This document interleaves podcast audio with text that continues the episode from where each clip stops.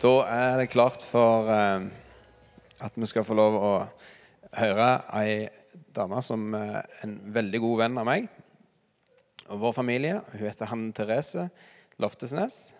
Og du kan få komme opp nå, Hanne Therese.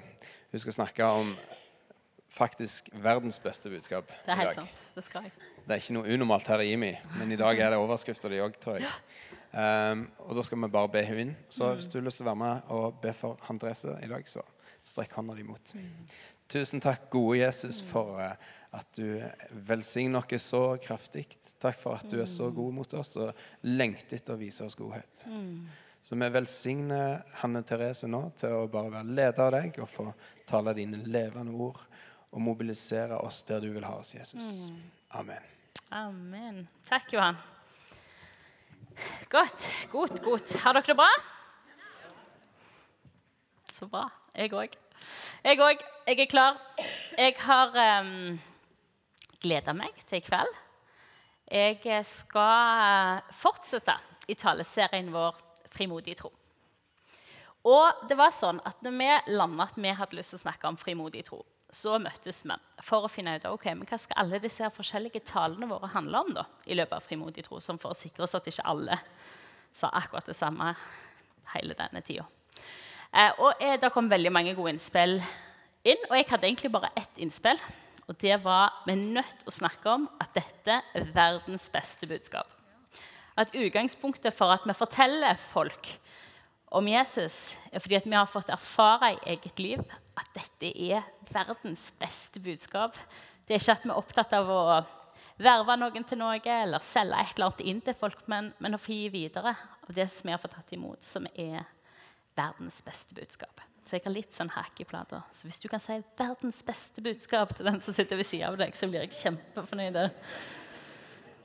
Det var noe lavmælt. Vi prøver en gang til. Verdens beste budskap. Flott! Takk skal dere ha. um, så det sier jeg at det syns jeg var en god idé. Og så sa de at da kunne jeg få lov til å snakke om det. så Det syns jeg òg var en veldig god idé. Em, og når Geir og jeg vi ble innsatt som pastorer her i IMI den 2. september. Og da, eh, Han som er styreleder i IMI, han heter Erlend Eggebø. En fantastisk fyr. Jeg så deg tidligere. Der er du! Ja, jeg ser han! jeg ser han. Og han, jeg tror du ba Erlend, men jeg er ikke helt sikker. Og det han iallfall gjorde, var at han eh, ba et eller annet om at vi skal få gi videre av verdens beste budskap. Og det er ikke sånn kjempemye, for å være helt ærlig. Jeg husker sånn supergodt fra den dagen, for det var veldig emosjonelt til og med for meg å være den dagen der. Men det var liksom limt fast. Dette er verdens beste budskap. Dette er det jeg har lyst til å legge livet mitt ned for. Sant? Og Det var jo dagen for å gi ut stafettpinner.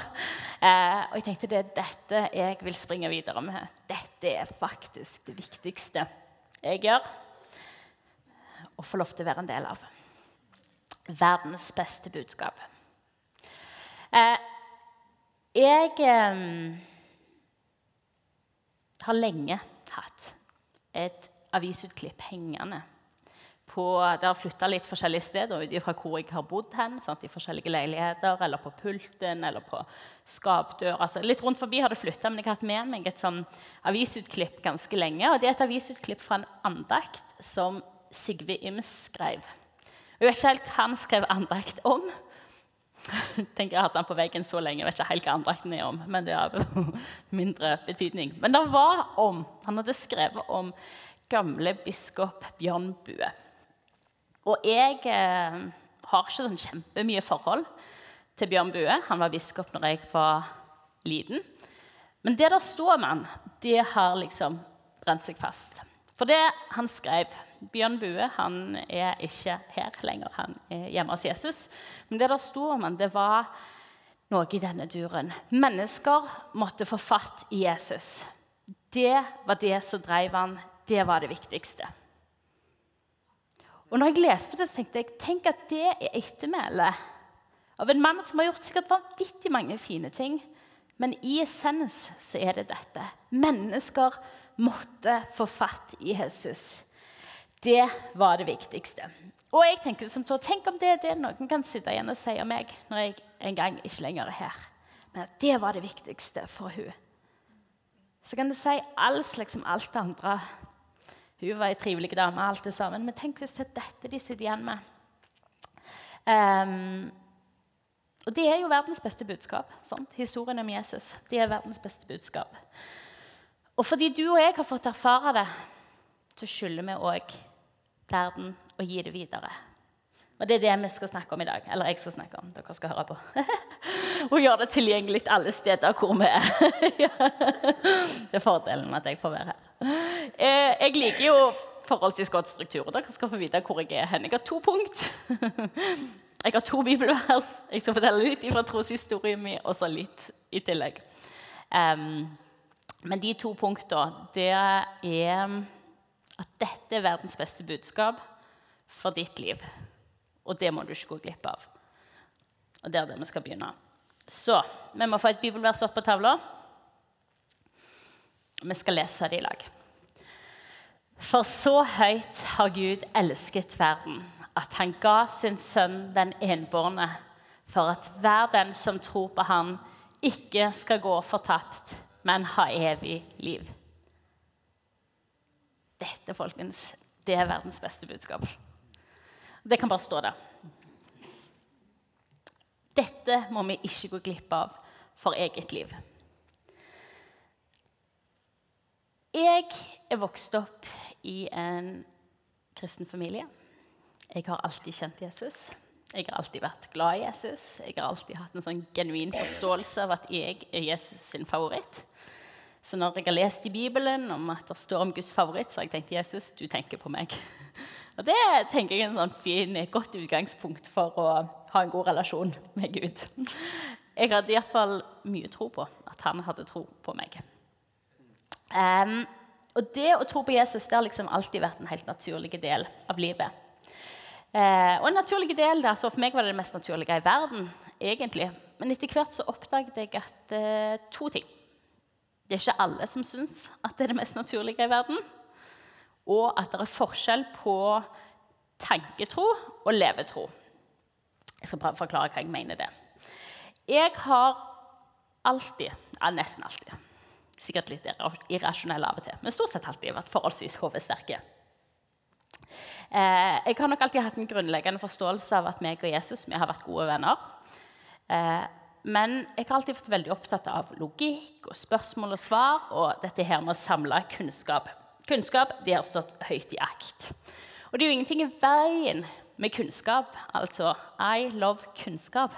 Men når jeg gikk mitt tredje år på teologistudiet, så var det et eller annet som begynte å skje i hjertet mitt. For det begynte med at jeg eh, forsto at i livet mitt så var Hvis tro mi var litt en sånn balanseskål, så var den ene sida kunnskap, og den andre sida var kjennskap. At kunnskapsskåla var ganske tunge. Jeg var vokst opp i en kristen familie, jeg var vokst opp i IMI, jeg hadde vært på masse konferanser, hørt masse taler, vært i masse ledertreningsgreier. Og jeg visste veldig mye. Men så er det akkurat som jeg begynte å bli obs på at denne kjennskapsbiten kanskje var litt lettere enn det den andre var. Og Det begynte å bli viktig for meg å finne ut av, men men Jesus, hva i alle dager betyr det for livet mitt at jeg kan så mye om deg? Hva betyr det? Altså, betyr det noe at jeg vet det? Lever jeg det? Får folk fatt i det? Får folk erfare det? De som er rundt meg som ikke kjenner Jesus, har det noe for de å si?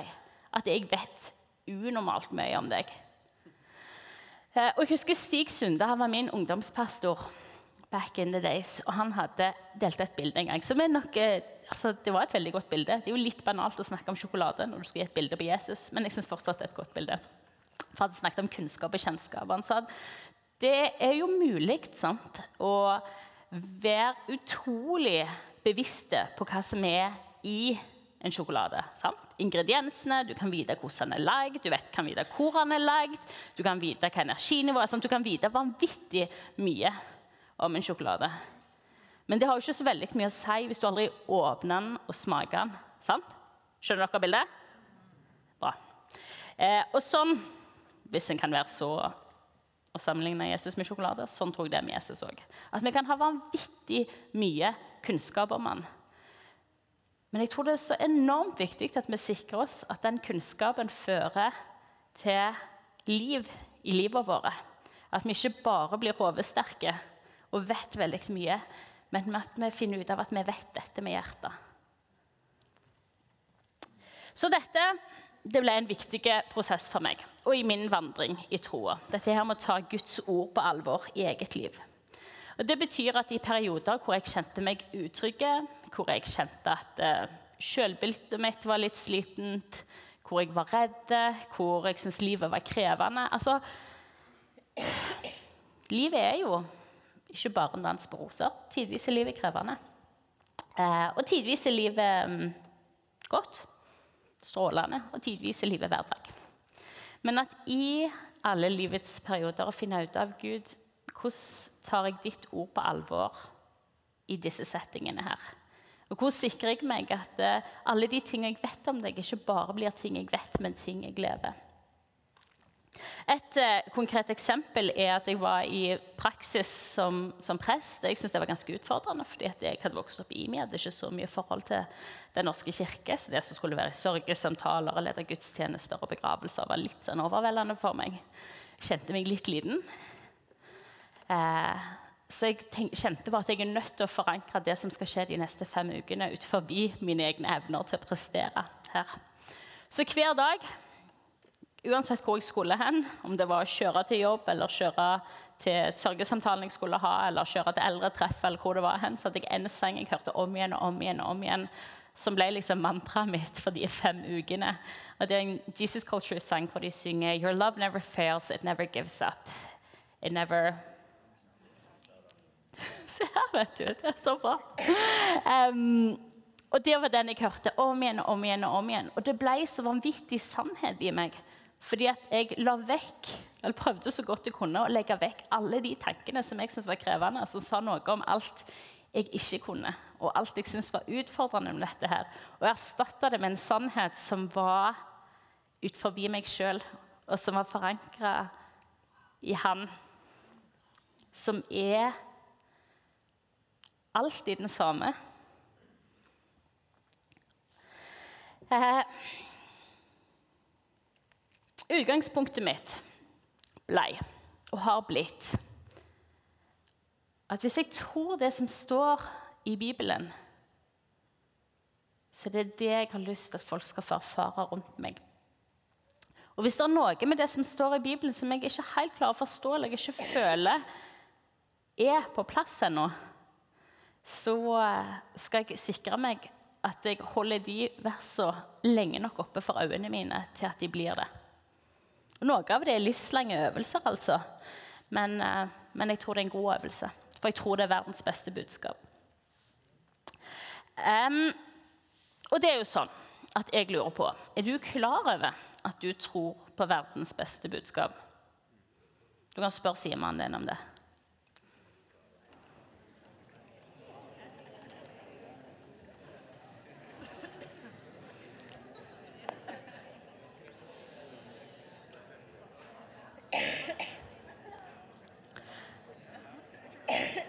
Her ble det mange gode samtaler her. Hæ? Det er godt vi kan fortsette dette seinere. Utgangspunktet vårt for verdens beste budskap er det som står her. Så vi skal lese det igjen. For så høyt har Gud elsket verden at han ga sin sønn den enbårne, for at hver den som tror på ham, ikke skal gå fortapt, men ha evig liv. Det er jo helt vanvittig. Altså Det som står der, det er liksom det er utgangspunktet for alt annet vi holder på med. Og Jeg tror vi har lest det så mange ganger at det er litt sånn, denne kan vi omtrent utenat. Men jeg tror vi er nødt til å sikre oss at vi leser det og lever det og får fatt i det, sånn at dette er ryggmargen vår. At vi vet at utgangspunktet for alt annet vi gjør, er en Gud som elsker så vanvittig høyt at han gir alt han har for å være i en relasjon med oss. Og Det er så fantastisk. Billy Graham, jeg har fritt oversatt et sitat. Det Er, han sier som følger Korset det viser oss alvoret av vår synd. Men det viser oss òg Guds uendelige kjærlighet. Og jeg tror at Når vi skal snakke om verdens beste budskap, så er vi nødt til å snakke om hva vi faktisk tror på. Og vi er nødt til å vite at Når vi snakker om verdens beste budskap, så snakker vi om et vanvittig radikalt før, og vi snakker om et vanvittig radikalt etter. Og vi snakker om at det er en grunn til at Gud måtte sende sine sønn. Og Den grunnen var at vi kom til kort. At vi ikke levde riktig med Gud, og at vi aldri ville kunne leve i relasjon med Han. At vi aldri ville kunne nå opp til en standard som en hellig Gud har. At det som var våre framtidsutsikter, var et liv uten Gud. Et liv uten alt godt som Gud er. For som det står vi har alle synda, og vi har ingen del i Guds herlighet. Og det var utgangspunktet vårt. Ikke kjempelyse framtidsutsikter, kan dere være enige med meg i det? Men så har vi en Gud som elsker. Som sier at dette kan dere aldri fikse sjøl. Men jeg kan, og jeg gjør alt for at dette skal snuse opp ned.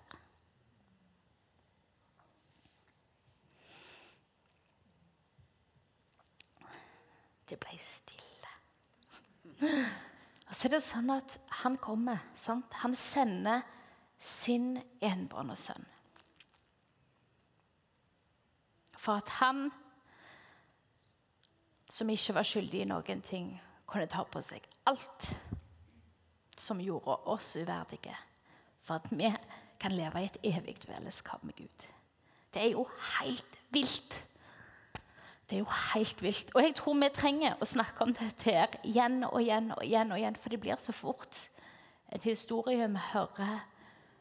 Og så blir det litt sånn rutine. Jeg skal snakke litt mer om rutine-Jesus etter hvert. Men jeg tror det er viktig at vi sørger for at vi stopper opp og tar inn over oss. Fordi det er så vanvittig stort, det vi er blitt frelst til. For det er jo det som er fokuset vårt. sant? Vi vet såre vel at vi ikke strekker til. Men han har sikra seg at vi har det vi trenger for å leve i en evig relasjon med han. Kan noen si amen?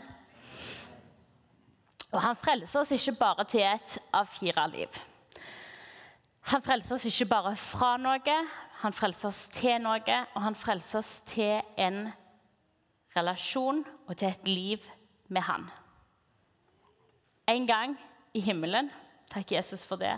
Men òg her. I dag. Nå. Så du kan snu deg til Simon din, og så kan du si 'nå'. og det er jo ikke lovnad om at livet fra nå av skal gå på skinner. Men det er et løfte og et fundament på at i alt det som livet ditt er, vil Gud være til stede med alt det som han er. Med alt det han er, så går Gud sjøl med deg. Med sin fred og med sin kraft og med sin kjærlighet og med sin trøst. Med alt det han er.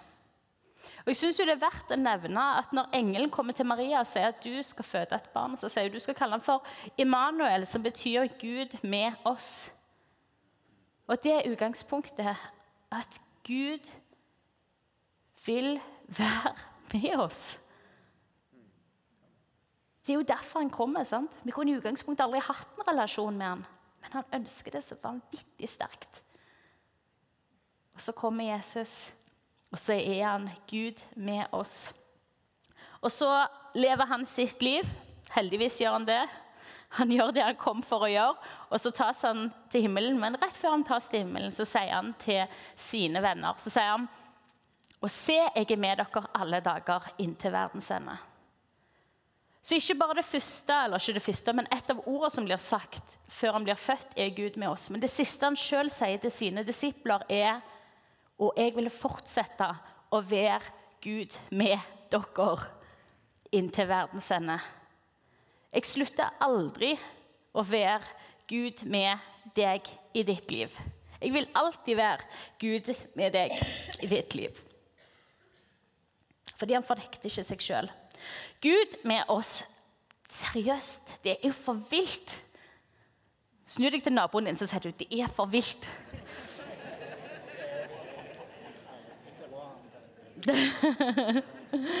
Vi er kalt til en relasjon med Gud. Og ikke bare en sånn perifer, bekjent, hilse på, snakkes neste søndag-relasjon. Men en relasjon som er den nærmeste du kan komme. De bildene som Bibelen bruker på den relasjonen vi får ha med Gud, er så nære. Det er som far og barn. Eller det er som brud og brudgom. Den næreste relasjonen. Og Det er det han sier vi skal få ha med han. Kan vi velge en annen type relasjon? Han er veldig raus i Gud. Han lar oss få sette standarden for ganske mange ting når det gjelder de tingene. Men ønsket hans er en helt, helt, helt nær relasjon. Og Det er et privilegium. Og jeg tenker bare at vi er nødt til å sikre oss at vi ikke liksom settle for less når det gjelder hvilken relasjon han egentlig har lyst til at vi skal kunne ha med ham. For det er så vanvittig godt, det han har. Ja. Så vi får ha en relasjon til allherrs Gud, til kilden, til all godhet. Til universets skaper. En personlig relasjon til Gud. Altså Evangeliet er jo fullstendig vilt. Men fullstendig fantastisk. En um, parentes i dette her er eh, det Tidligere denne uka var jeg med noen venner og så snakket jeg om at jeg holder på å skrive et prosjekt om helbredelse. De tror ikke på Jesus, så de snakket litt om dette her, om jeg trodde på sånn og sånn. og sånn og sånn, og syntes det var litt sånn voldsomt. Så sa jeg til dem, du vet, Utgangspunktet mitt er jo at jeg tror på en som kom og tok på seg syndene mine og døde for det, og sto opp igjen. Det er ganske mye jeg kan tro på før jeg syns at jeg overskrider det, og det er jo helt reelt. Det vi tror på, er jo ganske utrolig. Men det er det beste budskapet denne verden noensinne har hørt og skal få høre. Kan noen si amen? Amen. Helt ærlig så tror jeg at vi trenger å eie disse sannhetene. Og jeg snakker for meg sjøl òg. Livet, det kommer og går. Hæ? ja. OK, det ble kanskje litt feil. Jeg prøver en gang til. det kommer jo Ja, OK. Livet, det går sin gang.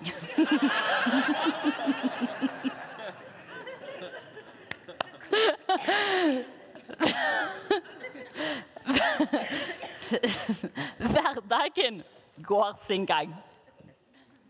Eh, gode taler de går sin gang. De kommer og går. De, det er de som kommer og går.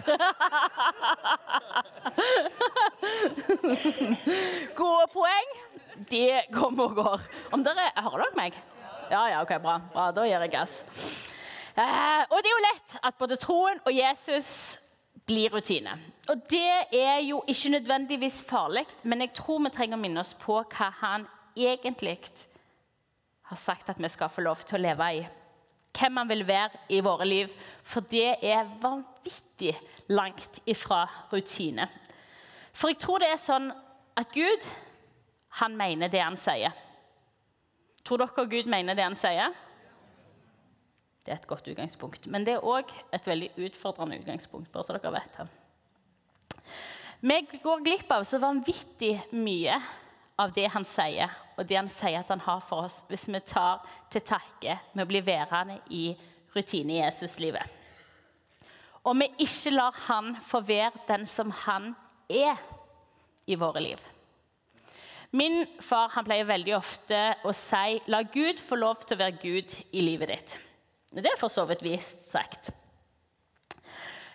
Men det er jo sånn at når vi snakker om Gud, så snakker vi om 'la fredsfyrsten få være fred i livet ditt.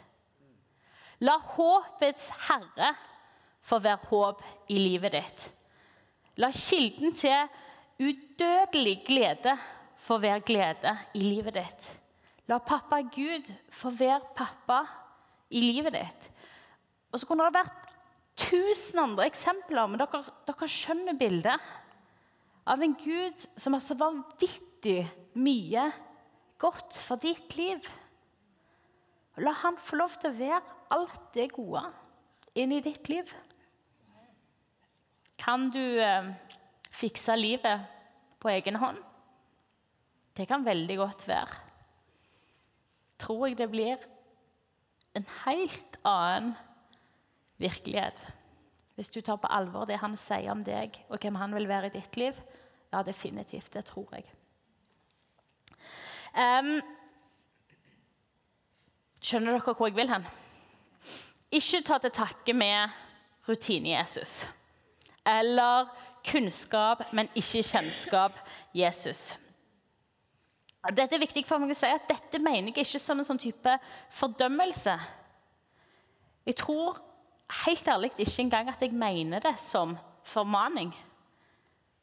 Og jeg tror det jeg mener det som, er seriøst ikke gå glipp av dette. Ikke ta til takke med mindre enn det han har sagt at han vil være i ditt liv. Det var derfor han kom, fordi han elsker deg så vanvittig høyt at han vil være verdens beste budskap inn i ditt liv. Han ga alt fordi han ville være i en relasjon med deg. Han gjorde det den gang. Han ga alt. Og det er ikke som om han vil gi deg mindre nå. Det er ikke som om han har brukt opp det han en gang hadde, eller det han en gang var.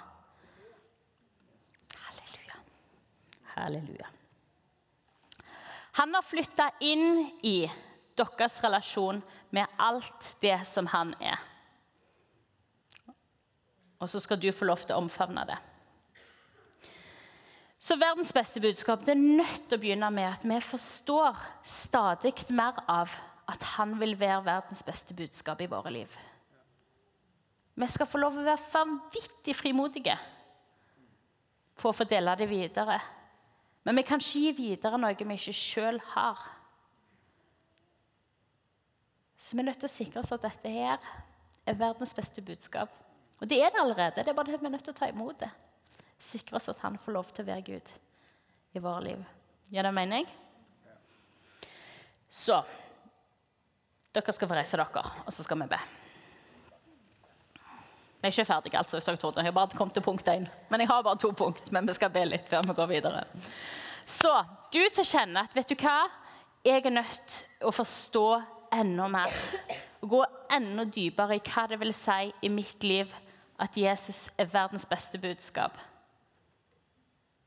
Og Gud og Den hellige ånd er verdens beste budskap. Du skal få lov til å legge hånda på hjertet ditt. Og så skal vi be. Takk, gode far, fordi at utgangspunktet for alt annet er at du elsker vanvittig høyt. At du elsker dypere og høyere og lengre og bredere enn vi noen gang vil forstå Jesus. Men jeg ber om at vi skal forstå mer av det. Jeg synes At vi skal forstå mer av hva det vil si at du er verdens beste budskap. At du ga alt for oss, og du har flytta inn med alt det du er i våre liv. Jesus, jeg ber om at de, de ukene som fyller fra denne søndagen, at du skal overraske oss gang på gang på gang med din godhet. Og hvordan vi skal få erfare hvordan du dukker opp på så mange forunderlige og naturlige vis. Takk, Helligånd, fordi at du er trøsteren, og du er den som går ved siden av oss. La oss få både se og erfare og kjenne med hjertet stadig mer av alt det gode du har for oss. Amen. Så kan dere få sette dere igjen.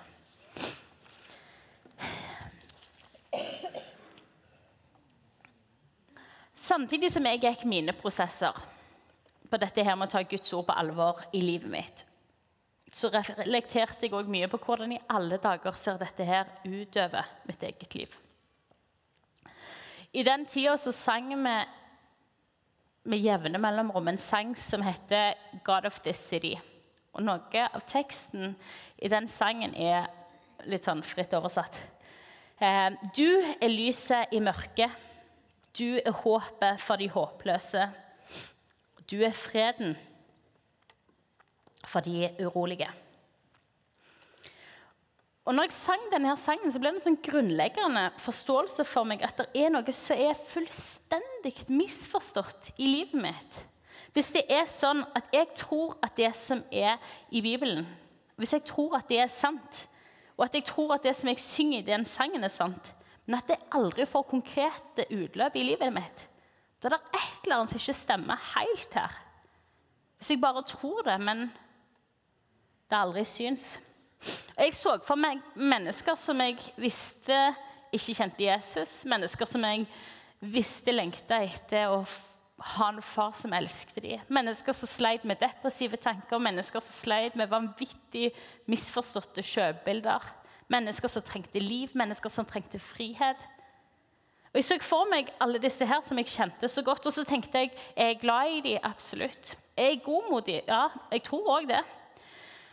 Men jeg forsto at hvis det er sånn at jeg oppriktig tror at jeg kjenner Han som er svaret inn i alle disse tingene, han som er verdens beste budskap, men at, han, at jeg ikke gjør det tilgjengelig for dem, så det er et eller annet som skurrer vanvittig.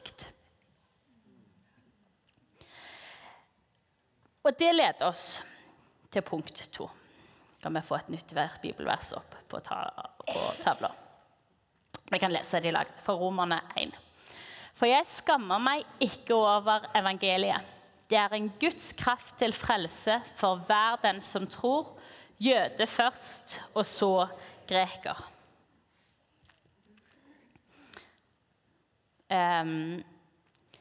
Jeg var ungdom, og jeg syntes det var litt flaut å si at jeg var kristen. Så når de jeg kjente, spurte hva jeg hadde gjort i helga, sånn, så hadde jeg ikke så lyst til å si at jeg hadde vært i kirka, så sa jeg bare at jeg hadde vært med venner. Og det var liksom Det var litt flaut at jeg syntes at det var flaut, fordi jeg var veldig glad i Jesus. Og jeg leste f.eks. Um, så jeg husker, Det var en bok jeg leste mye, som egentlig var det er en vanvittig bok som heter 'Jesus Freak', som egentlig handler om folk som tok troen sin så vanvittig på alvor at de valgte Jesus over sitt eget liv. Og mange av de døde fordi de trodde på Jesus.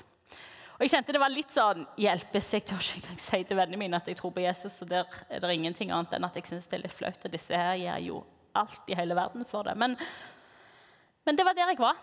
Jeg syns det var litt flaut. Eller jeg syns det var veldig flaut å snakke om dette. Jeg vil helst ikke forholde meg til det. Eh, og så husker jeg at jeg var på en, en eller annen leir, og Sondre Høysæter Det var før han hadde flytta til byen, men han hadde lagd en kort film om Jesus som var veldig fin. Og så hadde han en sånn Foo Fighters-sang. Jeg føler meg så gammel når jeg snakker om Foo Fighters. Eh, så My Hero, men den var, den var kul. ja. Og jeg likte han så godt, den filmen. Jeg kjente dette er min Jesus. Men så hadde han dette verset i begynnelsen, og jeg kjente at dette synes jeg er litt problematisk. For jeg liker veldig godt del to i dette verset. Jeg synes det er utrolig vanskelig å forholde meg til del én. For jeg skammer meg ikke over evangeliet. For jeg eh, som sagt, var veldig glad i Jesus. Syns det var utrolig kavete å vite hvordan jeg skulle fremme det. Søsteren min, Jeg har en veldig flott søster, Miriam. Hun var litt eldre enn meg. Hun hadde vært på Jesus Revolution-møte i Sandnes. Og hun hadde fått seg en genser hvor det sto 'Jesus Freak' på. Og Jeg syntes han var steinkul, men jeg tenkte den genseren der den kan ikke gå, jeg gå i, for det tør jeg ikke. Men når jeg blir litt eldre, kanskje jeg tør da. Så det var det jeg levde på. Kanskje når jeg blir litt større, da skal jeg gå med den. Og så begynte jeg på videregående. Og jeg begynte på Kongsgård. Og det er kanskje litt mer sånn venstreorienterte skolen her i byen. Eh, og jeg kjente ingen som gikk der.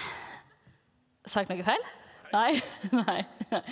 Eh, og jeg husker jeg hadde et, et sånn lite sølvkors på meg, og jeg traff ei av de som gikk i klassen min. Dag én eller to, tror jeg. Og så sier hun jeg ser du har et kors, er du kristen? Og så tenkte jeg det jeg svarer nå, det kommer til å definere de neste tre åra. Så jeg tar bare litt sats. Kjenner at jeg syns egentlig dette er litt flaut, men jeg svarer ja. Så ser hun på meg, så sier hun noe i denne dur. 'Å ja, er du imot abort, homofile og kvinnelige prester òg, da?' Jeg bare Hjelpes. OK. ja. Ja, på mange måter så definerte det spørsmålet de neste tre årene. Jeg hadde tre veldig gode år på Kongsgård.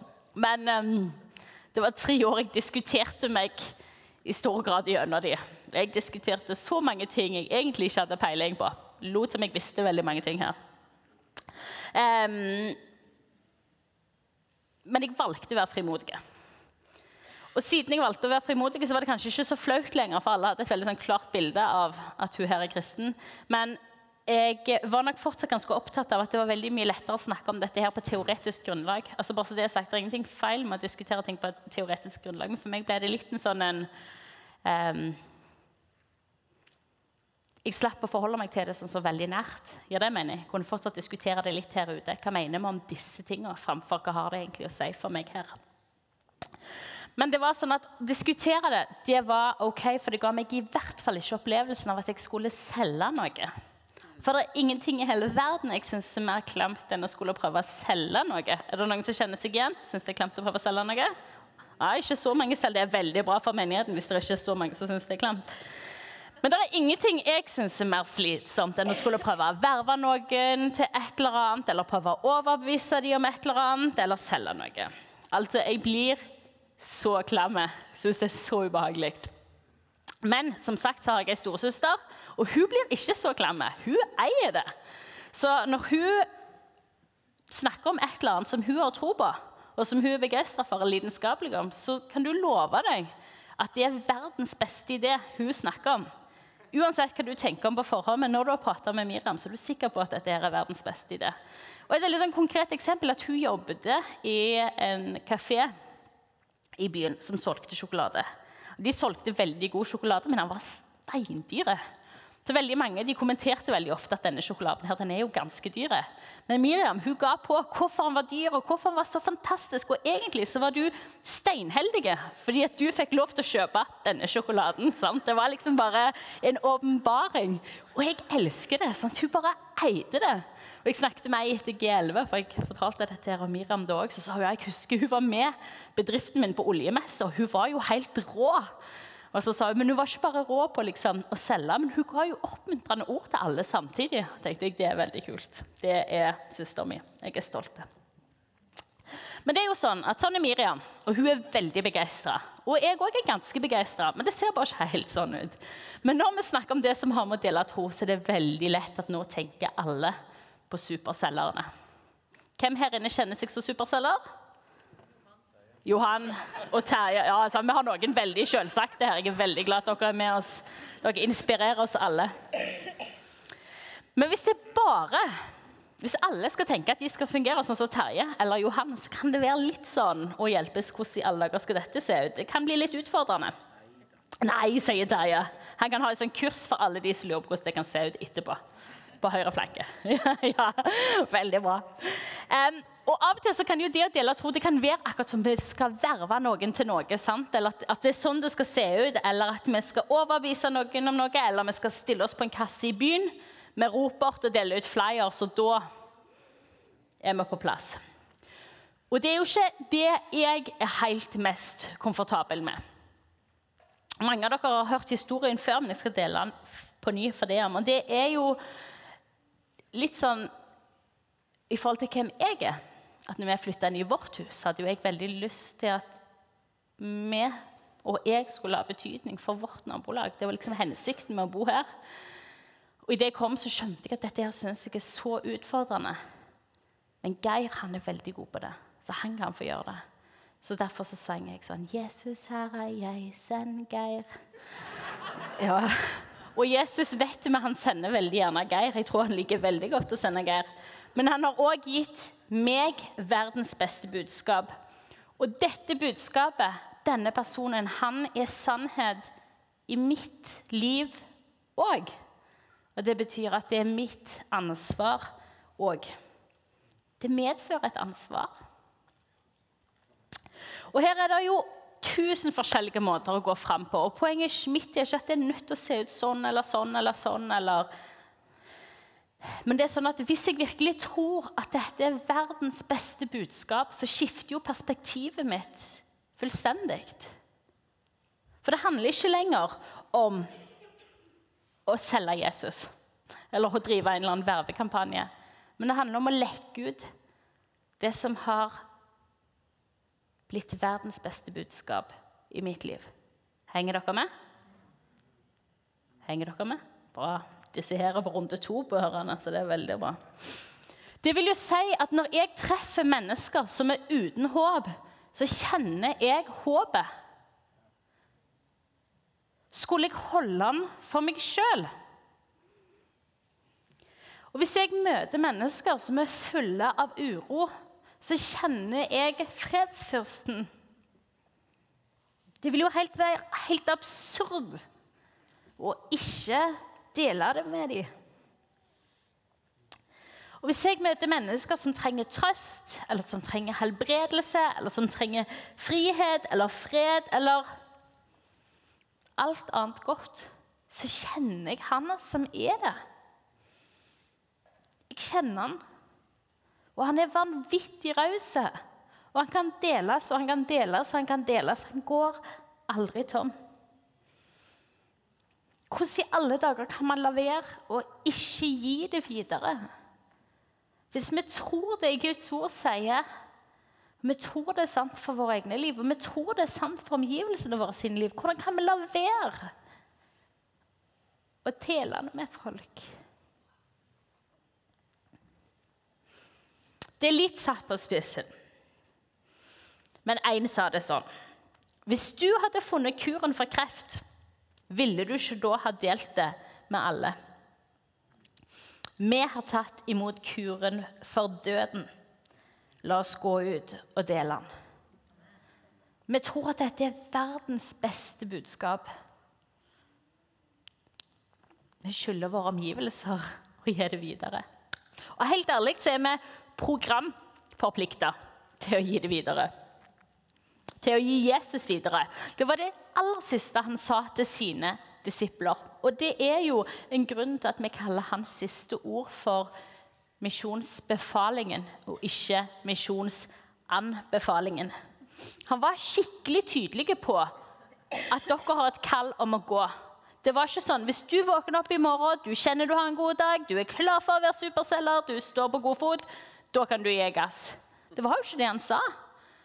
Det han sa, var 'gå', og fortsett å gå til alle mennesker er gjort til etterfølgere av meg. Fordi dere har erfart meg. Dere kjenner meg. Og for himmelens skyld så kan dere ikke la være.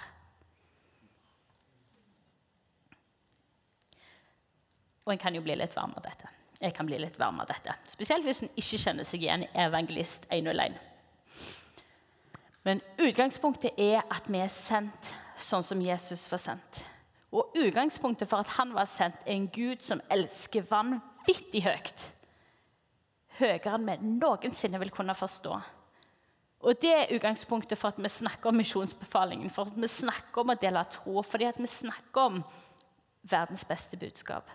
Fordi vi snakker om en Gud som elsker vanvittig høyt. Så høyt at han kom og ble Gud med oss.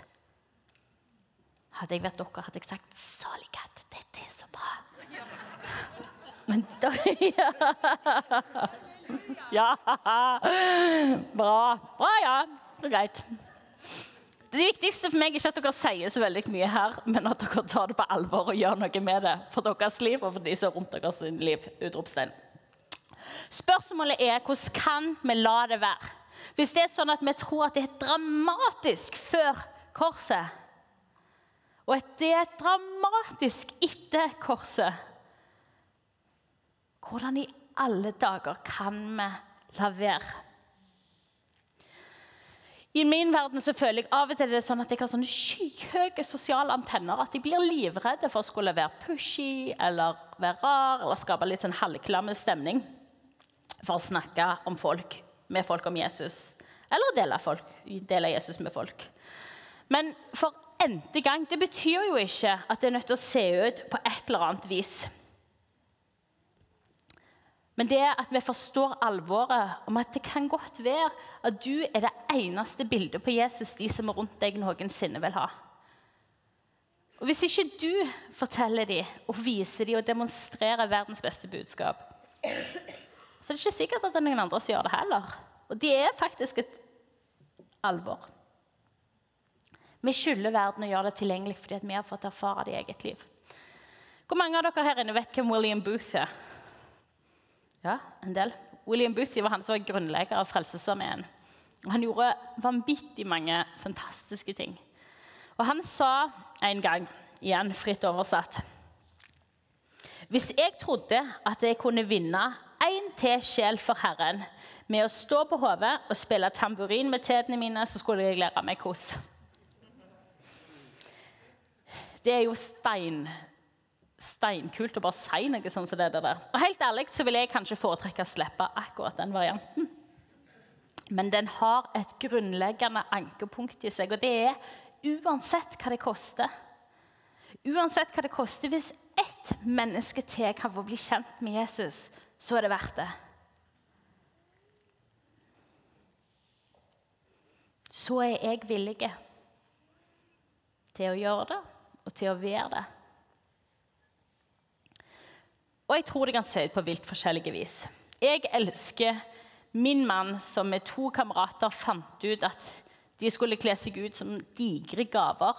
Og gå i Stavanger by i juletider med skilt som sa som følger Hvilken gave er bedre enn betingelsesløs kjærlighet?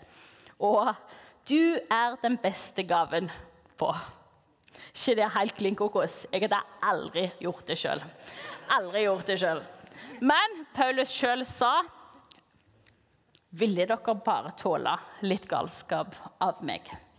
Så jeg tenker de er i godt selskap. Helt konge, hvis det er et godt uttrykk for deg.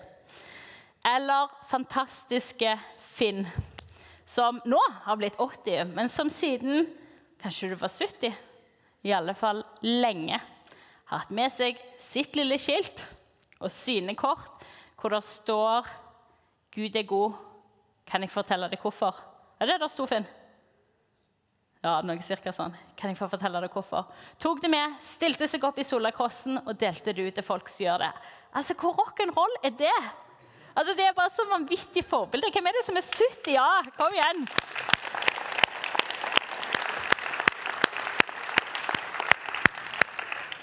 Og Det syns jeg er så inspirerende.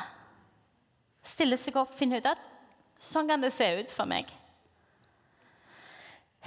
Eller Nils Einar, som var på gudstjenestene forrige søndag og delte sitt vitnesbyrd om hvordan han, som kona sier, han kan nesten ikke komme tilbake igjen fra å ha vært på jobb eller vært ute uten å ha fortalt noen om Jesus eller uten å ha bedt for noen. Hvis dere ikke hørte vitnesbyrdet forrige søndag, så sikrer dere at dere får høre det på, på um, podkast, så dere får det med dere. For det er så utrolig fascinerende og inspirerende. Eller um, Arvid og Elisabeth Steinum, som mange ganger har invitert sine naboer inn og hatt alfakurs i sin egen stue. ikke det steinkult? Eller Johan, som deler tro på jobben. Eller når han er på kunstskolen med Annabelle og snakker med folk om, om hvem Jesus er. Det er så vanvittig mange forskjellige uttrykk. Og det er ikke så viktig hvordan det ser ut, men at det ser ut. At det er en naturlig konsekvens i livet ditt at du har fått fatt i at Jesus er verdens beste budskap.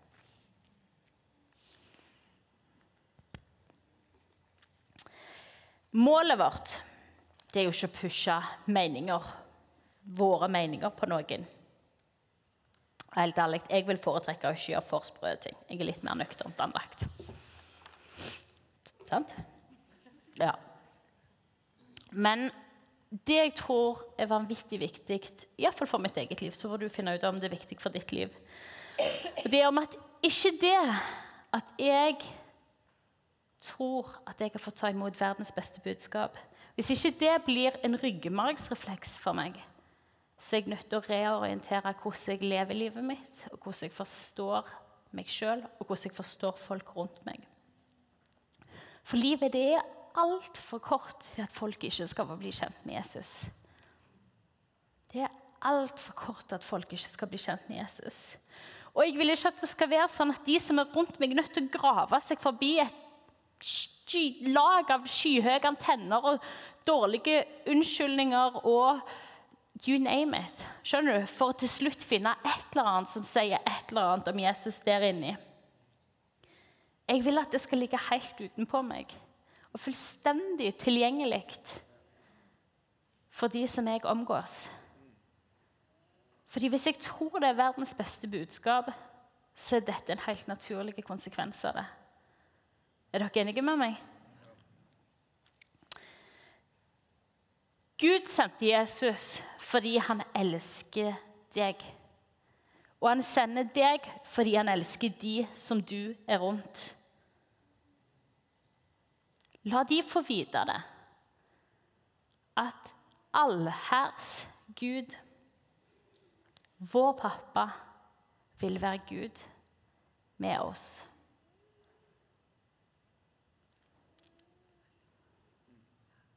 Dere kan få lov til å reise dere.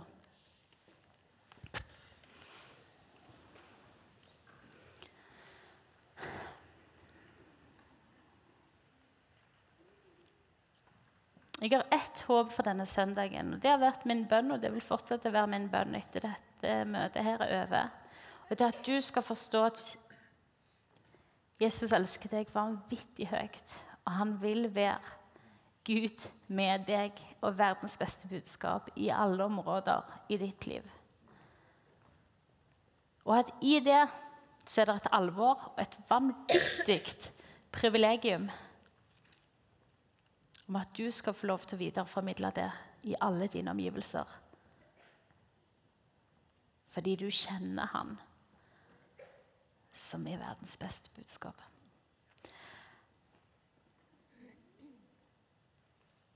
Så hvis du er her inne og du kjenner at vet du hva, jeg trenger Gud, at du gir meg enda mer frimodighet, enda mer erfaring enda mer åpenbaring på at du er verdens beste budskap, og at jeg skal få gi det videre. At du kan få legge hånda på hjertet ditt, og så skal vi be.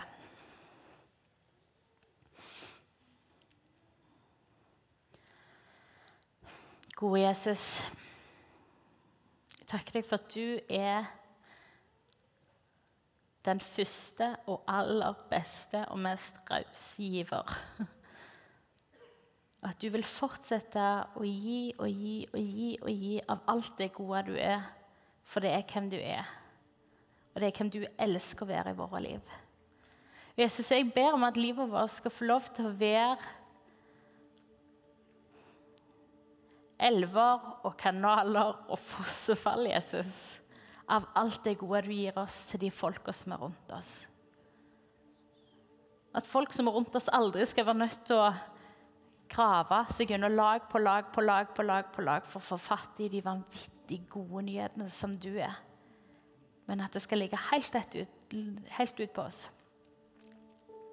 At det skal være så tilgjengelig alle steder som vi er.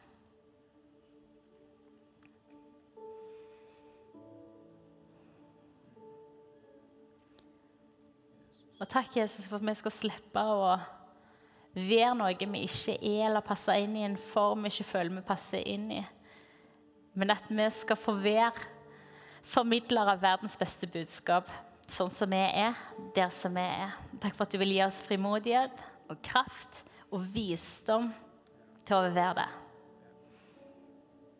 Jesus, takk for at du elsker denne byen og dette landet så vanvittig høyt. Og vi gleder oss til å få lov til å være med og se hvordan det blir forandra av at de får fatt i at du elsker så vanvittig høyt. Amen.